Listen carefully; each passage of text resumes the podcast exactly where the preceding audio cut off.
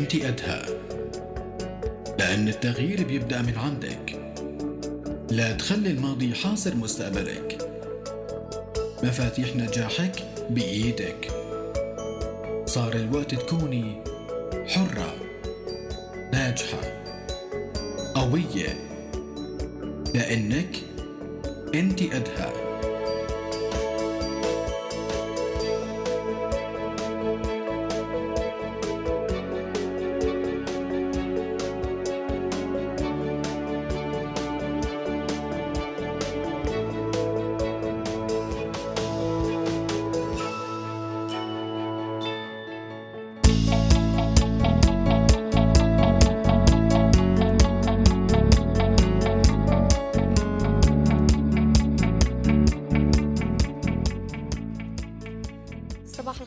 لكل الصديقات والأصدقاء وين ما كنتوا عم تسمعونا على الإف إم على هوا روزنا على ال 98.5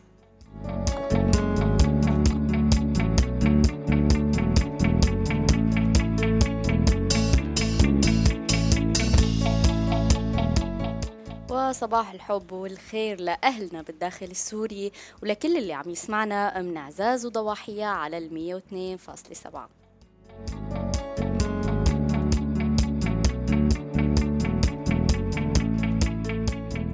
مشواركم الصباحي ومشوارنا اللي بيتجدد معكم بكل يوم سبت بحلقة جديدة من إنتي قدها حلقتنا اليوم مهمة لكل مين عم يسمعنا للرجال للنساء. حابة أدعي اليوم الجميع ليكونوا معنا بحلقتنا. الرجال بالدرجة الأولى بيت الأحمى بالدرجة الثانية النساء أيضا. تحديدا آه، يعني كل مين آه، بالعائلة أو بلش ينشئ عائلة. آه لنحكي اليوم عن أهمية التمييز أو سلبية التمييز بين الذكر والأنثى.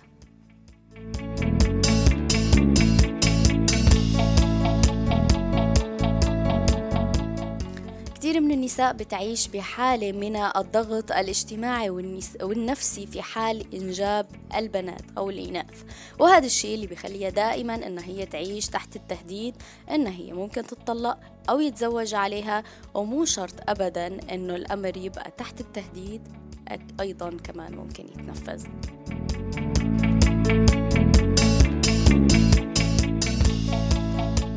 اللي ما بيخفى على حدا إنه مع كل النشر والتأكيد من الأطباء ومن كل الجهات الطبية على انه الرجل هو المسؤول عن تحديد جنس المولود بنبقى عم نلاقي هي النساء عم تعيش تحت التهديد وتحت الضغط النفسي وعم تتعرض لهذا النوع من الضغط الاجتماعي.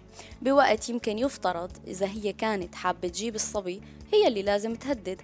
أو تضغط لحتى يروح لحتى يعمل مراقبة مع الطبيب ويتعرض لألف نوع من العلاج وخطط كاذبة وتجارب قاسية بتعيشها النساء وقت اللي بتحاول تعمل هي هذا النوع من الحمل أو حتى أنها هي تنجب الذكر.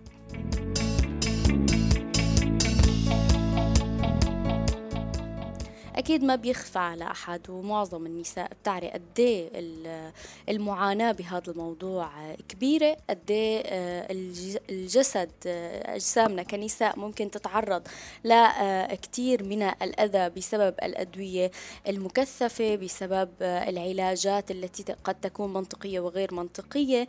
كثير تفاصيل اليوم رح نحكيها كثير قصص اليوم لمعاناة من النساء تعرضوا لها بسبب هذا الموضوع إنك أنت لازم تجيبي الصبي لأن لأنه الصبي سند لأنه الصبي عزوة لأنه آه لازم يكون في عنا عدد كتير كبير من الصبيان وهن اللي بيشيلوا العيلة وهي الثقافة اللي بنضل نتوارثها عبر الأجيال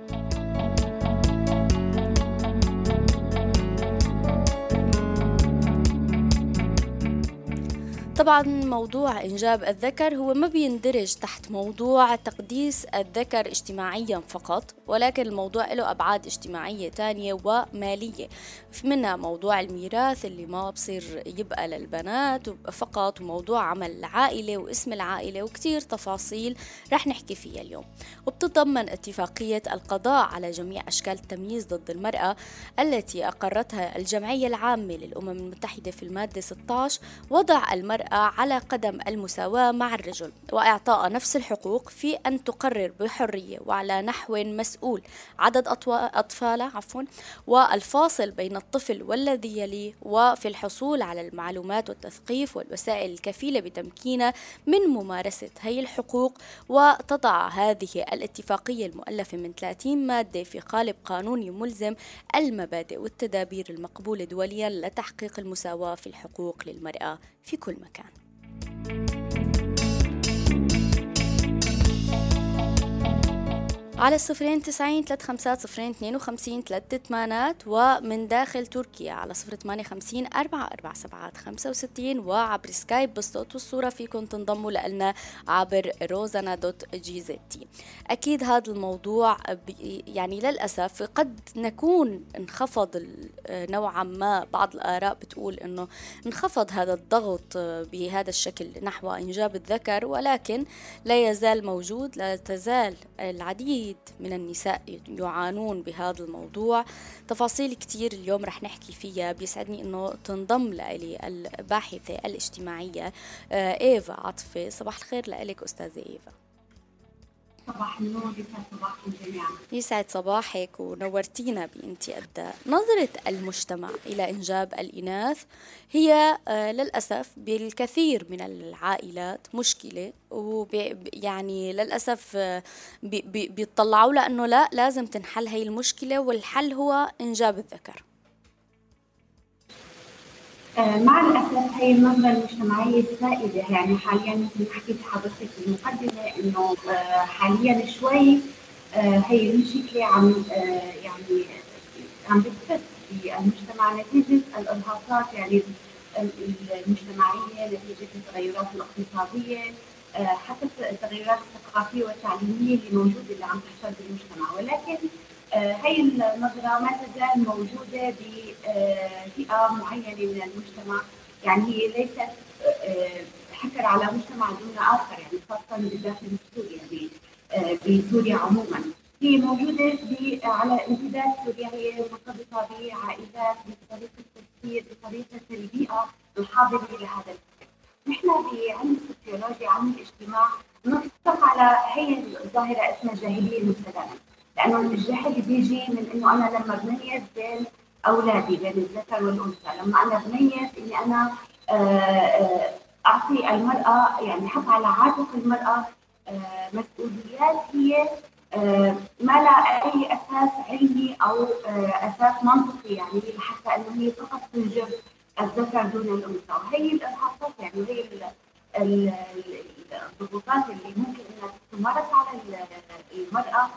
بتحملها هي الاعباء اللي بتأثر على الحياة الأسرية بتأثر على الحياة العملية بتأثر على آه، طريقة تعاطيها مع حتى آه، البنات يعني بناتها آه، وطريقة تربيتها لها بالمستقبل فهي المشكلة المفروض إنه يعني نتعامل معها بطريقة نحاول إنه نوضع لها حل حل جذري. ولكن هذا الحل الجذري ما فينا نحن نعمله يعني فورا يعني يكون سيكون هذا الشيء آه غير آه يعني مسموح أو غير مقبول اجتماعيا. خطوه خطوه يعني من خلال التعليم من خلال آه الممارسات الاجتماعية نظام تدريبات معينة رفع وعي إلى آخره لأنه هذا الشيء ما مرتبط بالافكار بقدر ما هو مرتبط بثقافة المجتمع. نحن آه، يعني آه، أستاذة إيفا عم نحاول يكون في آه، في يبدو شوي مشكلة بالصوت عم نحاول نحلها لحتى نكون معك. ابقي معنا تحت الهواء ثواني وأكيد نحن رح نرجع.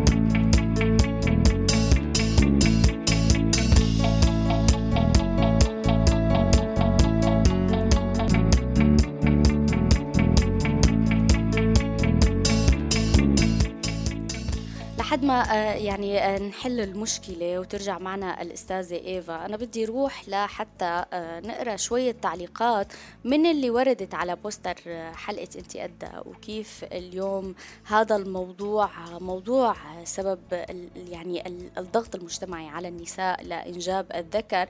وردنا مجموعة من التعليقات. حنين بتقول التهديد المستمر بأنه يتجوز عليها أو أهله يزوجوه هيك أغلب الحالات وفي منهم بتكون ضغوطات من الناس ونظرة نظرة الناس والشفقة.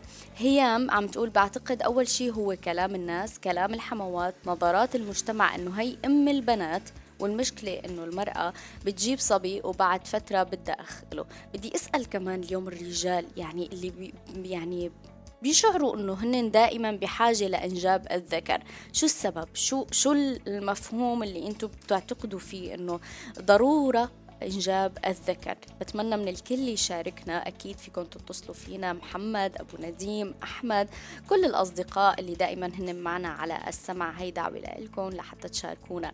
كمان ياسو عم تقول المفاهيم المغلوطة اللي تعلمناها من مجتمعنا الصبي أحسن من البنت لأنه بيشيل اسم العيلة وبكرة بس تكبري هو آه، رح يشيل كبرتك. يعني ماديا رح يصرف عليكي بعد ما مات أبوه. الصبي شو ما غلط ما بيجيب العار للعيلة على عكس البنت تماما وأكثر من هيك مفاهيم مغلوطة. آه، قديش بتشوفوا إنه هاي الأفكار أو هي يعني النقاط المهمة اللي شاروا لها الأصدقاء بجروب انت ادى وهي دعوة للجميع لحتى ينضموا لنا هي آه، فعلا السبب الرئيسي وراء الضغط لإنجاب الذكر. كمان بتقول ياسو السؤال صعب وبيخوف لأنه بصراحة بخاف أحكي لكم إنه ما في حل. بنفس الوقت بقول يمكن التغيير آه، جاب نتيجة ولكن بشكل آه، بطيء لأنه في نسبة قليلة بلشوا يتخلصوا من العادات والتقاليد البالية. بعتقد بلشنا نعطي فرصة لعقلنا إنه يفكر وما يمشي وراء التلقين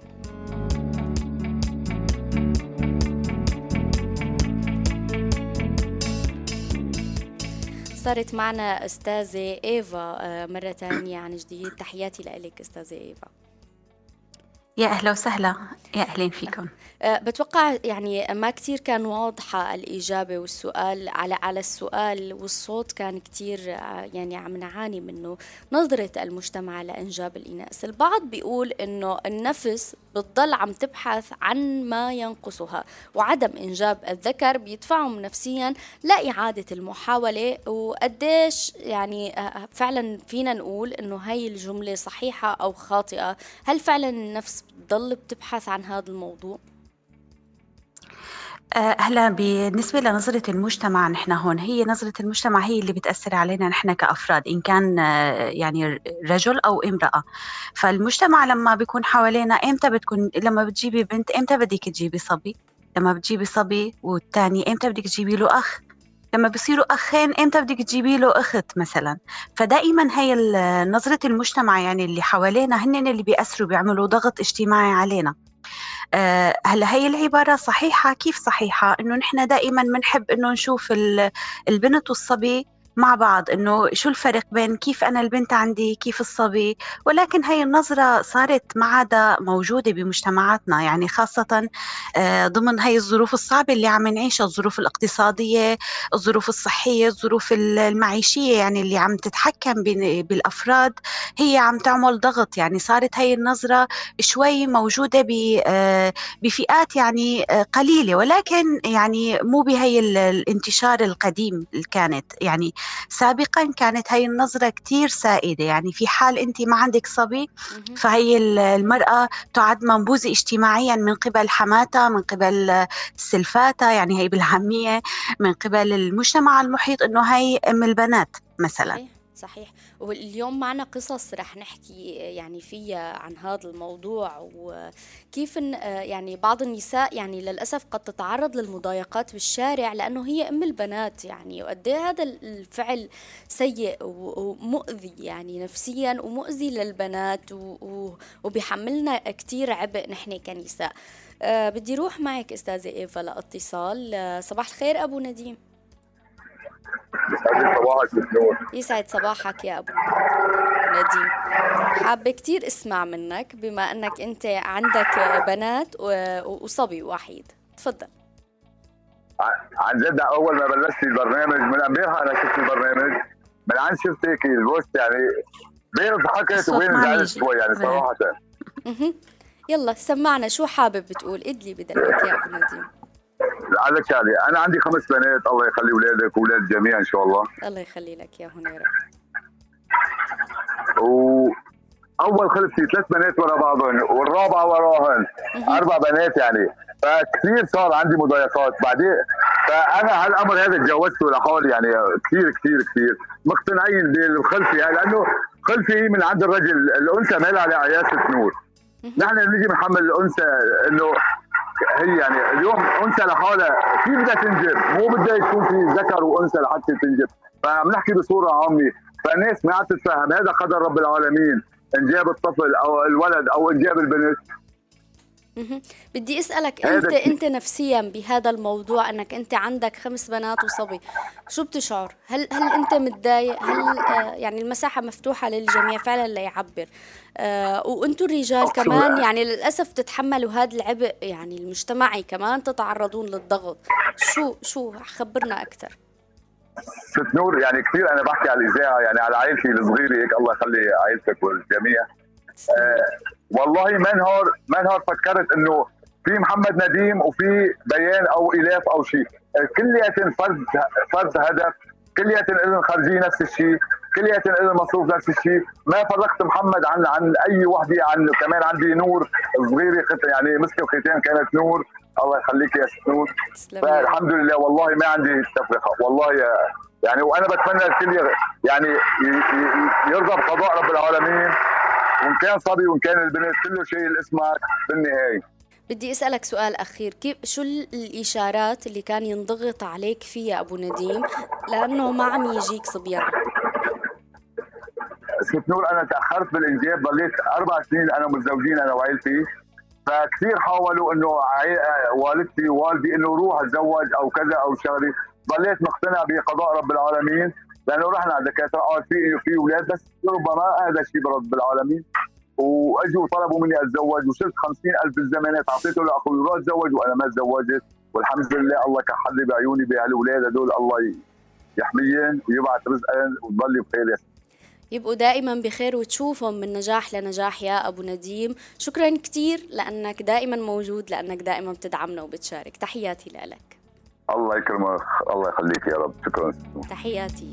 أستاذة إيفا عن جديد. يمكن أنت ما كنتي قدرانه تسمعي أبو نديم. أبو نديم هو أب لخمس فتيات وصبي.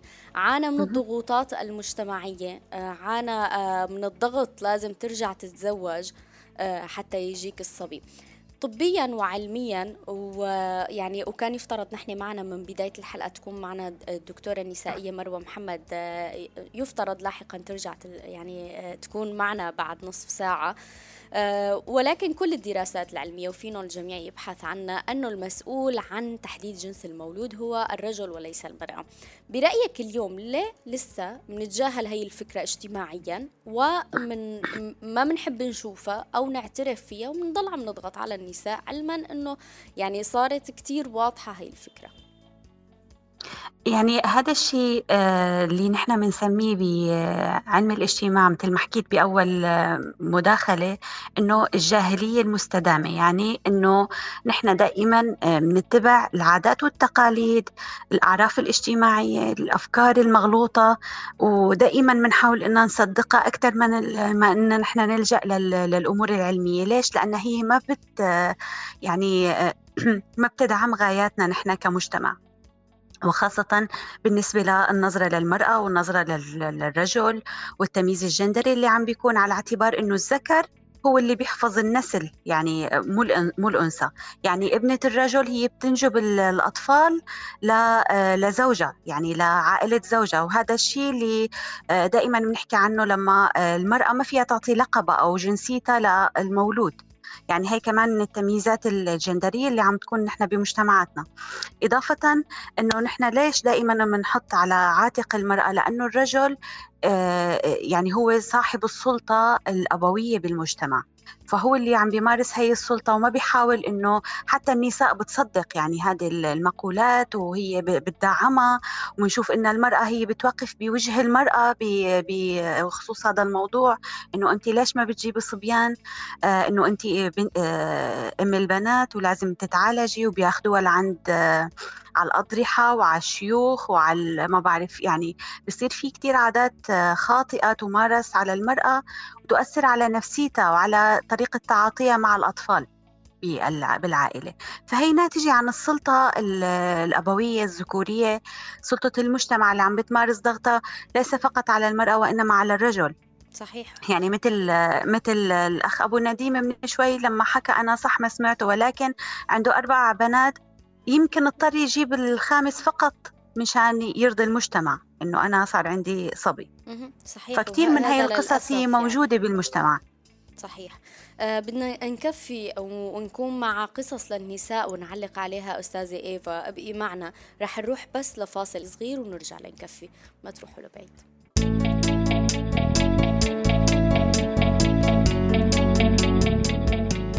تحياتنا للجميع. رجعنا لحتى نكفي بموضوع حلقتنا ونحن اليوم عم نحكي عن أه يعني الضغط المجتمعي التي تتعرض الذي تتعرض له النساء ولإنجاب الذكر. أكيد فيكم تشاركونا على صفرين تسعين ثلاثة خمسات صفرين اثنين وخمسين ثلاثة ثمانات وصفر ثمانية خمسين أربعة أربعة سبعات خمسة وستين. وبدي أقول لمصطفى عم يقول لي ليش ملبكة؟ لا ماني ملبكة. ما بعرف إذا آه هذا السؤال لإلي. لا الأمور رواق وبنتمنى أنك تشاركنا يا مصطفى وتتصل فينا. اسمحي لي أستاذة إيفا أنه نروح آه لحتى نسمع قصة لإحدى النساء اللي عاشت هذا النوع من التجارب القاسية فيما يخص موضوع الضغط لإنجاب الذكر. ونرجع لحتى نعلق عليه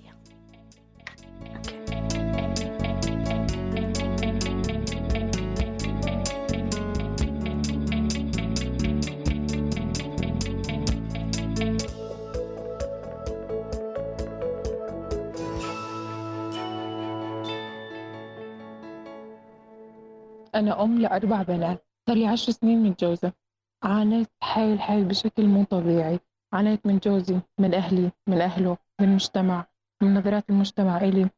صرت حتى إذا أمشي بالشارع وحدا ينظر لي حتى يكون ما يعرفني وما يعرف قصتي أفكر إنه ينظر لي لأنه ليش؟ ما عندي صبي.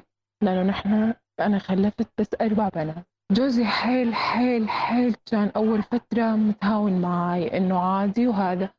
عطاء رب العالمين وهذا كله من رب العالمين. يعني ما نقدر نعترض على حكم رب العالمين. جوزي حيل متدين حيل يعني يعرف إنه مثلا إنه خلاص هذا من رب العالمين هذا مكتوب.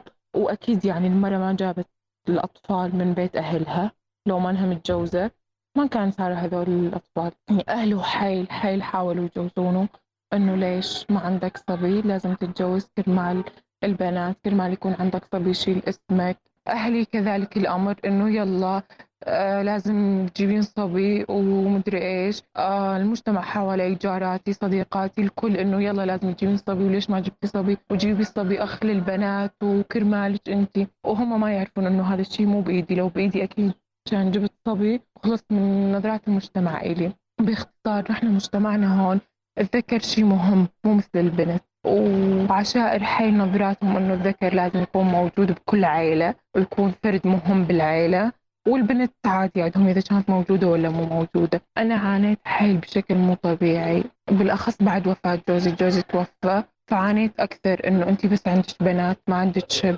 آه ما بي حدا يدير باله على البنات ما بي حدا.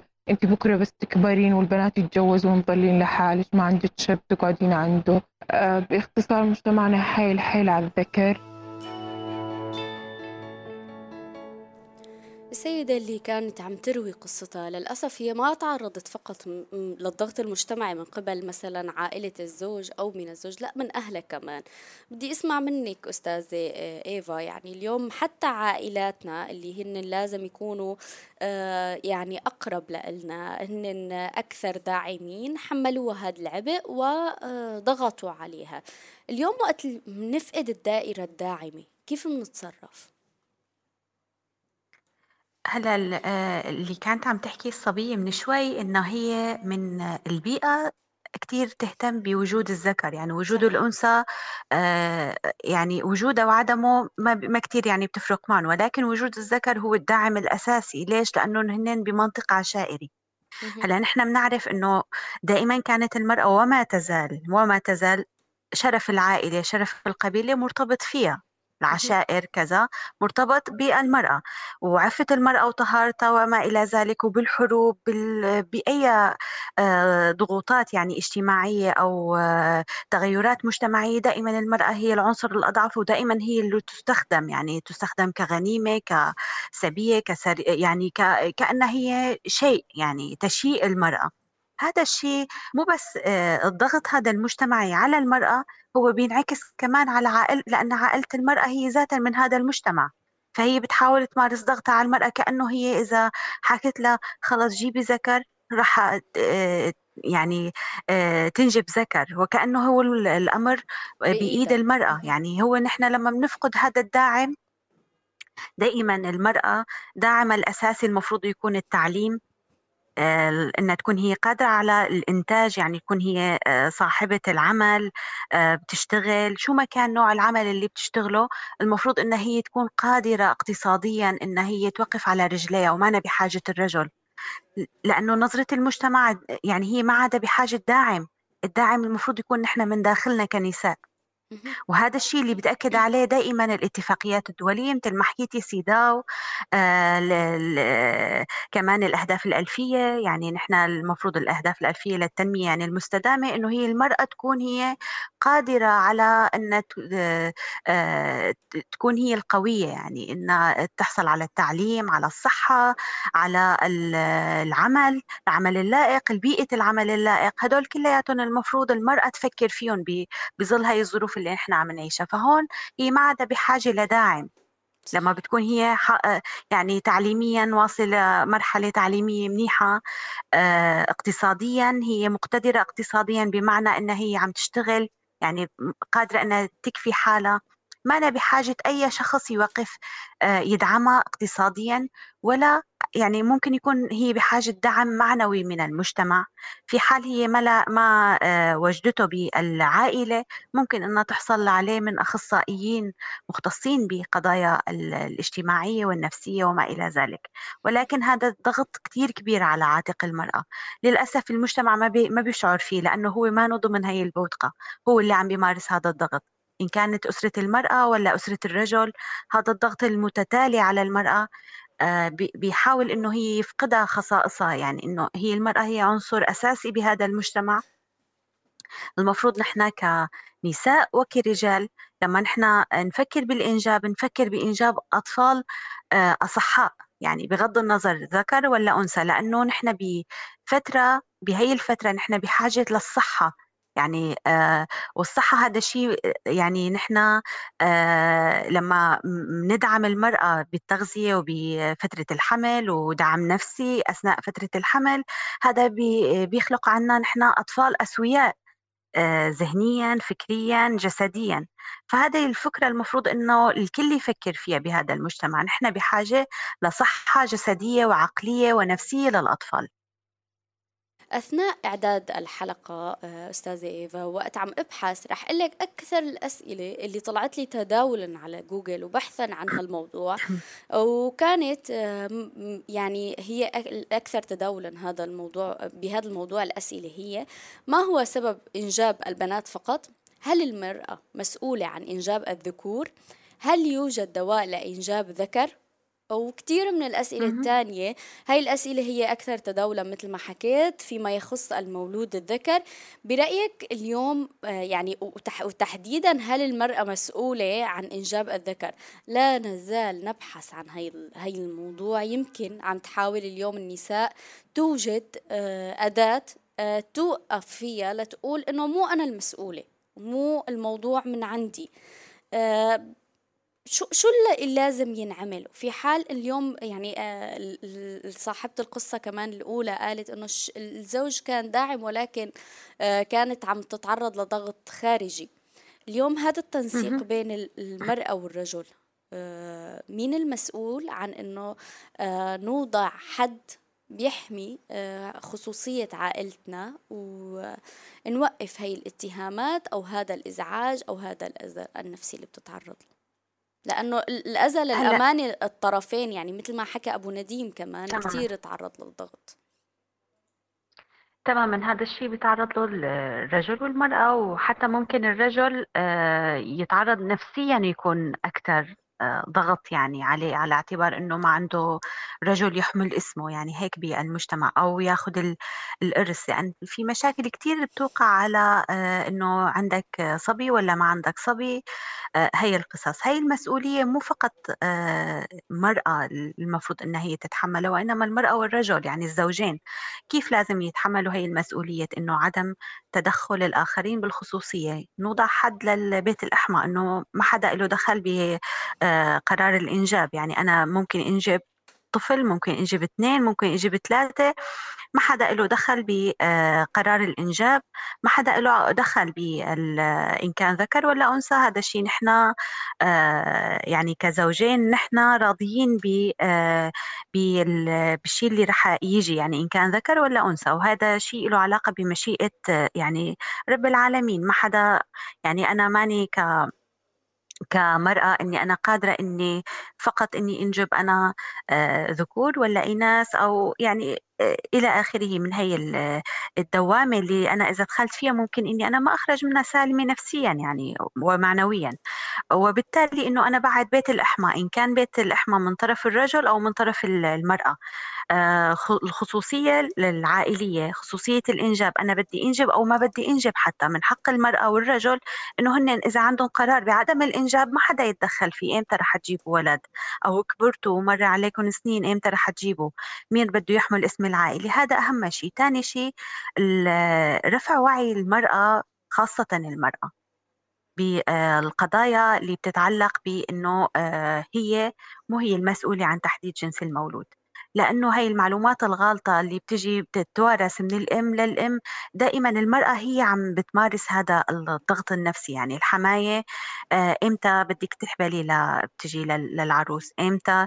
آه، ليش جبتي بنات؟ شو عملتي؟ وبتاخدها وبتجيبها لعند أكثر من حدا وبتصيروا بيجتمعوا بالحارة ليحكوا بقضية هاي المرأة اللي ما بتجيب غير البنات. وبينسوا إنه في طرف تاني هو الأساس بعملية الإنجاب الرجل. يعني فهي الأمور الخصوصية المفروض إنه نحن نعمل رفع وعي للمرأة اضافه لرفع وعي للرجل بهي القضايا. وبالتالي هون نحن بنحمل خصوصية العائلة. هي أهم شغلتين يعني بالمجتمع. فعلا آه، يعني موضوع الخصوصية هو مسؤولية الشريكين وهن اللي لازم توضع هذه الحدود لحماية خصوصية هي العائلة لحماية هي التجربة لحماية الأبناء مستقبلا في حال تم الإنجاب سواء ذكور أو إناث لأنه آه، كتر هذا التدخل راح يأثر سلبا آه، حكما يعني. بدي أتشكرك أستاذة إيفا لحضورك معنا لليوم وللمعلومات المهمة اللي ضويتي عليها من الناحية الاجتماعية. إجتماعية. وقد نحن اليوم فعلا نكون حريصين على حياتنا وعلى حدود مساحتنا الشخصية. كل الشكر لك. شكرا لكم يسعد أوقاتكم جميعا. تحياتي.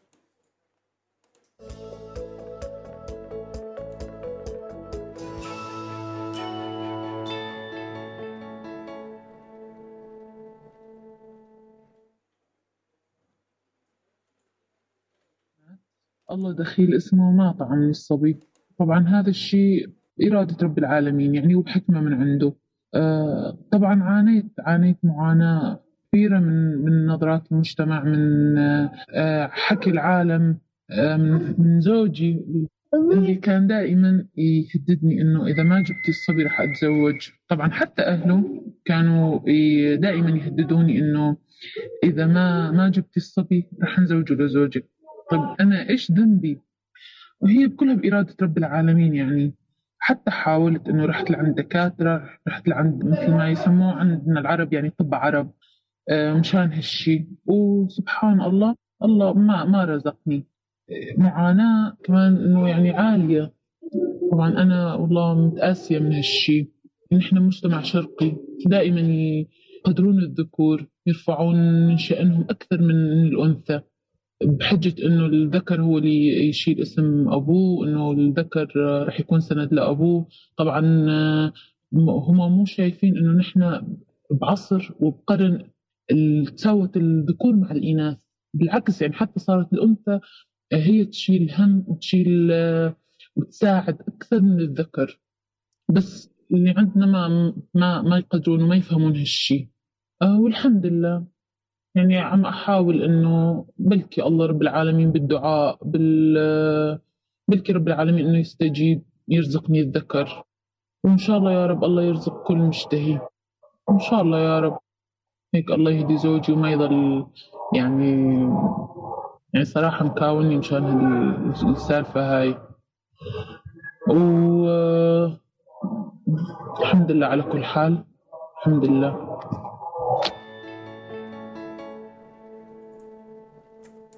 الرأي الطبي بهذا الموضوع هو الرأي الفاصل لحتى آه، فعلا اليوم النساء تقدر آه، تحمي نفسها أو تدافع عن نفسها بشكل منطقي وعلمي وطبي. لنحكي بتفاصيل أكثر عن موضوع هذا عن موضوع إنجاب الذكر. ومن الناحية العلمية والطبية بيسعدني أنه تنضم لنا الدكتورة مروة محمد طبيبة نسائية. صباح الخيرات لك دكتورة مروة. صباح يسعد أوقاتك. أول سؤال رح روح له وهو آه، أهم سؤال وهو آه، أكثر سؤال تداولا على السوشيال ميديا فيما يخص موضوع إنجاب الذكر. من هو المسؤول عن تحديد جنس المولود أو الجنس الجنين آه، أنا هذا السؤال صار معروف يعني بديهي بالمجتمع. يعني المسؤول عن تحديد الجنس بالنسبة الجنس المولود هو الذكر يعني الرجل هو المسؤول عن تحديد الجنس لأنه آه، خلايا جسم الإنسان سواء الرجل أو المرأة بيحووا آه، صبغيات. هذه الصبغيات آه، فيها صبغي جنسي مسؤول عن تحديد الجنس. الذكر يحمل صبغي متخالف يعني الإكس وال Y. الاكس هو المسؤول عن آه، انجاب الانثى والواي مسؤول عن انجاب الذكر. فالرجل يحوي آه، في خلاياه الجنسية X Y والمرأة تحوي فقط نمط واحد وهو ال X X. فدائما المسؤول علميا ومثبت علميا إنه الرجل هو الذي بيحدد هذا الموضوع. يعني بتوقع يفترض إنه نحن نكون مثل ما يقال قطعنا الشك, باليقين. وللاسف يعني مثل ما قلتي أصبح هذا السؤال وإجابته بديهية والكل بيعرف هذا الموضوع. لكن اليوم كمان في توجه آخر دكتورة كثير عم نشوف أصبح من الشائع إنه في أشخاص عم بحسب اختصاصاتهم المختلفة عم يتم استغلال النساء بهذا الموضوع.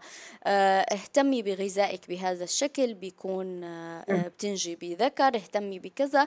آه، عيادات تغذية بتقول إنه هناك وصفات غذائية هي بتساعد على تحديد جنس المولود. ما مدى صحة هذا الأمر طبيا؟ وللأمانة وأنا عم عد الحلقة كمان العديد وخلينا نقول فينا نقول مئات من الفيديوهات اللي مرفوعة على جوجل وعلى يوتيوب عم تحكي آه، عن أنواع أطعمة هي رح تخليها للمرأة إنها هي تنجب الذكر. ما مدى صحة هذا الموضوع طبيا وعلميا؟ طبيا وعلميا لا يوجد أي آه، اثبات علمي إنه الأطعمة تؤثر على انجاب يعني ذكر أو أنثى، ما في أي آه، دليل صحي ودليل آه، مؤكد إنه في أغذية معينة أو اتباع نظام غذائي معين للرجل أو المرأة بيخليهم يجيبوا ذكر أو بيخليهم يجيبوا أنثى. فهي كلها عبارة عن فرضيات وعبارة عن آه، اجتهادات شخصية فردية ما لها أي أساس من الصحة وتحتمل الصواب أو الخطأ. و... ما في أي دليل علمي ولا إثبات يؤكد إنه هاي الأغذية اللي مثلا هن آه، يعني يعتمدوا على نظام غذائي بيزيد من قلويه الجسم عند الرجل والمرأة على حد سواء. فالقلويه بتزيد مثلا جسم المرأة إنه آه، إنه في فكرة إنه الضغط يبدو آه، آه، في مشكلة بالاتصال آه، فصل الإنترنت من عند الدكتورة. رح نرجع نحاول نتصل فيها ولكن كتير مهم نأكد اليوم إنه الموضوع بالدرجة الأولى تحديد جنس المولود هو من عند الرجل. صارت معنا الدكتورة مروة عن جديد. تحياتي لك. تفضلي دكتورة كفي. مثل ما قلت يعني ما في أي اثبات علمي أو آه دليل علمي إنه الأغذية تؤثر على آه جزء الموت. آه، يعني موضوع الغذاء آه، ليس له أي إثبات علمي. وكتير مهم نعم. نقطة حكيتي عنها دكتورة مروة أنه الرجال والنساء آه، بياخذوا نوع من الأغذية. للأسف في معظم الحالات الشائعة هي النساء فقط من تتبع هذا النظام نعم. على مساوئه ومحاسنه. آه كمان بدي روح لأنه آه دكتورة آه من كتر هي يعني النصائح كمان أو هي كتير شائعة عم تصير على السوشيال ميديا تحديد وقت الإباضة لدى المرأة وتحديد يوم الجماع هو سبب لإنجاب الذكر. كمان ما مدى صحة هاي المعلومة طبيا وعلميا.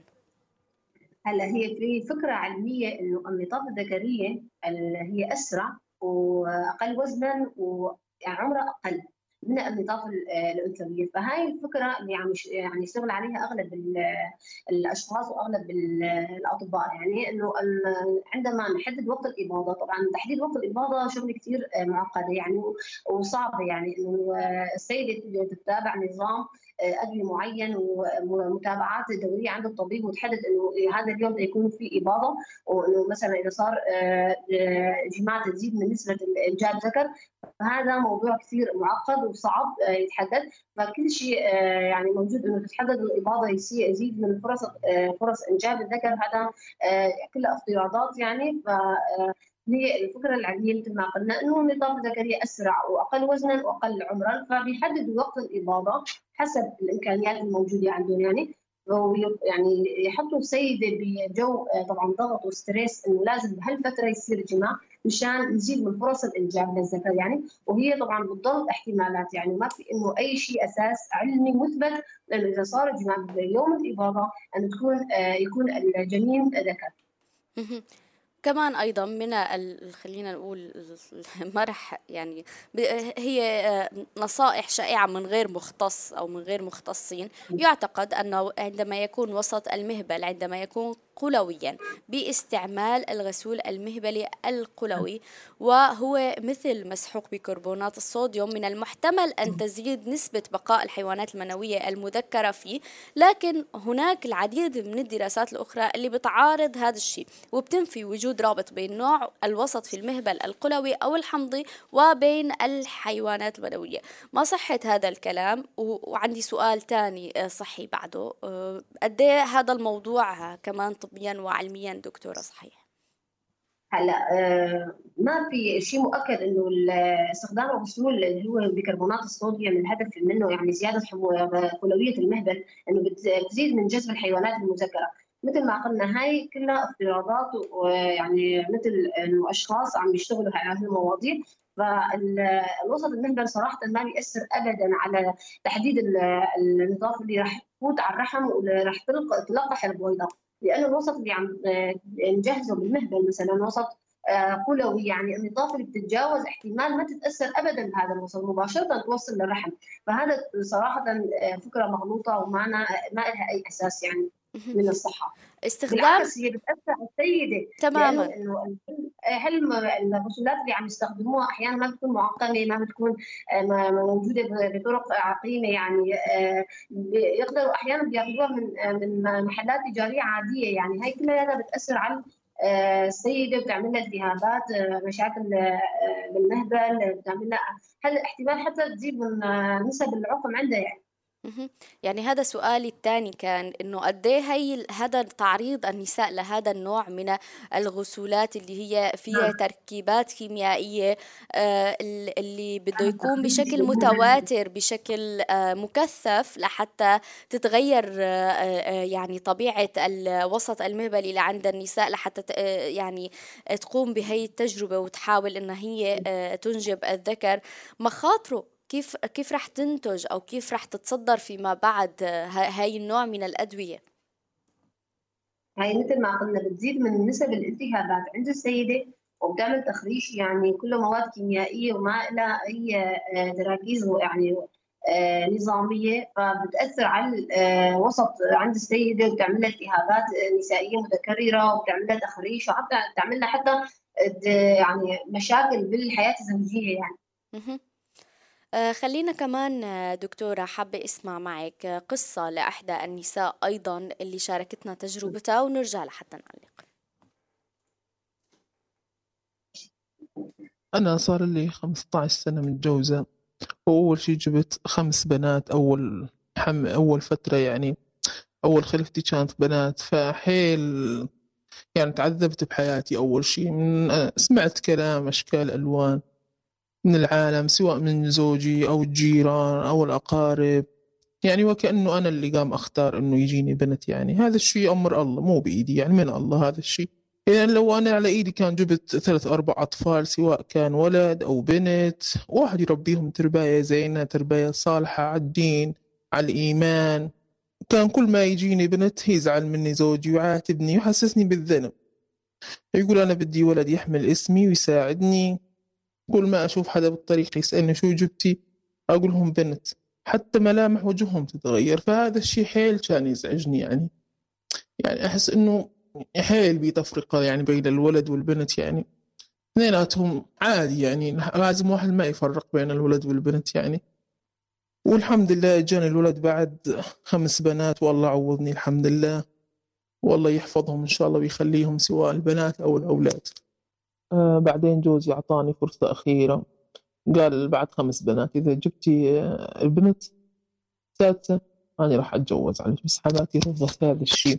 هي كانت حيل زينة معاي طيبة وحنونة وقفت معاي دائما كانت تدعي لي. فجابت لي عشبة أغليها وأشربها. هي تساعد على فرصة الولد أكثر من البنت. طبعا كله بأمر الله. وقالت لي يا بنتي استخدم هالعشبة. والباقي بلكي الله يطعمك ولد والباقي على الله. والحمد لله شربتها وجاني الولد وملى علي حياتي. فأنا أشكر حماتي حيل حيل لأنها وقفت معي.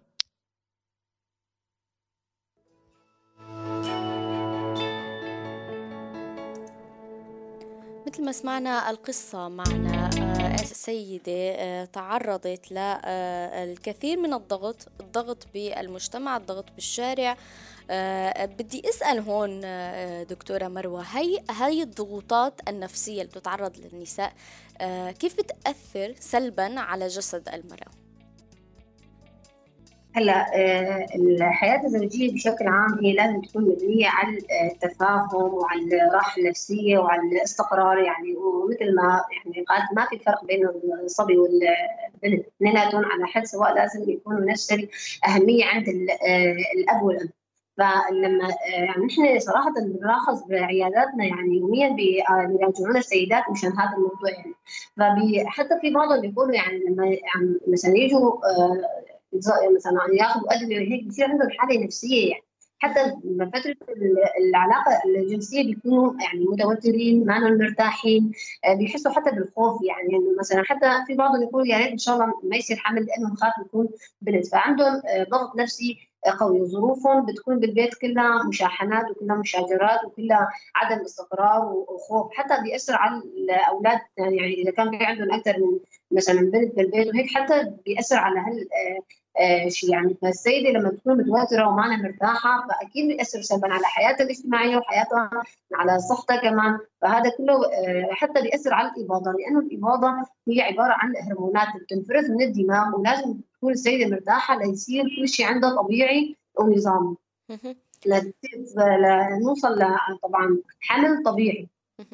بدي أسألك آخر سؤال معنا لليوم آه، دكتورة مروة. آه، يعني ذكرت صاحبة القصة أن آه، حماتها جابت لها نوع من الأعشاب ومن بعدها هي جابت الصبي. قد إيه كمان موضوع التداوي بالأعشاب أو هي القصص هو كمان كتير شائع؟ قديش هو صحيح أو خاطئ؟ وقد ممكن يكون له أثر كمان على أجسام النساء صحيا؟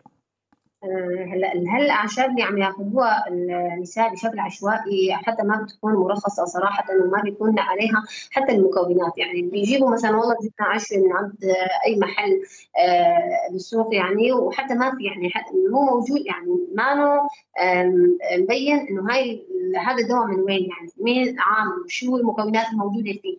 يعني هاي السيدة اللي صار معها إنه جابت صبي بعد ما أخذت العشوه هذا لمحض الصدفه يعني. هذا ابدا ما له علاقة بإنه هي أخذت وصار عندها صبي. فهاي الأعشاب كلها ضاره وما لها أي أساس يعني ما عندها لا يعني ما حدا عم يراقبها. يعني ما بيعرف شو المكونات الموجودة فيها. نحن كثير حالات تسمم عم تصير منها ومشاكل للسيدة عم تصير منها. فيفضل إنه يعني واحد يبتعد من عن كل هالأعشاب والأدوية اللي ما مرخصه وما نعرف شو بالأساس مكوناتها. يعني أنا للأسف ونحن عم نحكي آه، عم جرب آه، شوف وابحث على جوجل عن موضوع الأعشاب و آه، يعني وارتباطه بإنجاب الذكر للأسف يعني العناوين المستفزة الزنجبيل لإنجاب الذكر فوائد الزنجبيل للحمل السريع فوائد الليمون لإنجاب الذكور طريقة استخدام الملح لإنجاب الذكور كل هاي التفاصيل. ختاما تفضل هاي آه، كلياتها يعني ما بعرف كلياتها آه، مثل ما قلنا يعني أشخاص عم يستفيدوا من هال آه، يعني الرواج لهال ترويج تجاري بحت غير آمن. نعم. حابة يعني قبل ما أختم مع حضرتك دكتورة مروة آخذ منك خمس نصائح بتوصي فيها النساء لتحافظ على صحتها الجسدية وأيضا فيما يخص هي الأفكار الشائعة المغلوطة المنتشرة. الفكرة الأولى انه مثل ما قلنا تحديد الجنس هو على الرجل. فالسيده لازم تكون مطمئنه ومرتاحة نفسيا إنه المشكلة مو منها إن يعني يهب الله الإناث ويهب الذكور ونقر في الأرحام ما نشاء. هي كلها آيات قرآنية جاية مفصلة لهالشيء يعني. فبتمنى إنه من السيدة ما تحط حالها بهال آه آه هذا الضغط والستريس اللي عم ينفرض عليها من سواء من المجتمع أو حتى سواء من آه زوجها نفسه يعني. وتحافظ على آه، يعني وزن مثالي لا يعني تروح آه، يعني تمارس حياتها آه، اليومية بشكل نشاط مثلا تلعب رياضة تحافظ على وزن مثالي. تهتم بغذائها ما إنه مثلا هم آه، تروح تعتمد على الأغذية اللي مثل ما قلنا إنه لازم تزيد من نسب الذكور. هذا كله بيأثر على نظامها الصحي. لأنه الأغذية كلها مكملة لبعضها وهي بحاجة لهال آه، الأغذية. لأنه جسم المرأة صراحة بالحمل بيفقد كثير من عناصره الأساسية سواء حديد سواء كلس سواء فيتامين د فكلها بتاثر على حياتها المستقبلية. فلازم تهتم بغذاء وما يعني آه، تفضل مثلا آه، قرار أو رأي ينفرض عليها آه، نعم. تشوف هي شو تحتاج وجسمها شو يحتاج وتهتم بهالشيء يعني. كل الشكر لك كل الشكر لك دكتورة مروة محمد لأنك كنتي معنا لليوم لأنك ضويتي على هاي النقاط الطبية المهمة. شكرا لمشاركتك معنا ببرنامج أنت أدى تحياتي لك تحياتي لكم.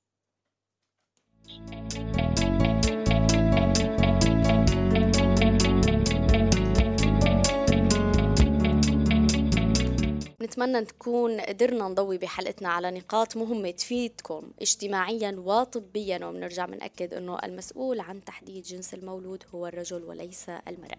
وصلنا لختام حلقتنا لليوم من إنتي أدى. أكيد فيكم ترجعوا تسمعوا حلقتنا على بودكاست إنتي أدى على تطبيق وموقع روزنا. وناطرين أيضا مشاركاتكم وتفاعلكم وإجاباتكم على صفحتنا على فيسبوك روزنا بودكاست. بودعكم. على أمل لقاء فيكم الأسبوع الجاي. وناطرين إجاباتكم على سؤالنا ما هو سبب لجوء بعض النساء إلى تكرار الحمل لإنجاب طفل الذكر؟ ناطرين مشاركاتكم شوفكم على خير الأسبوع الجاي.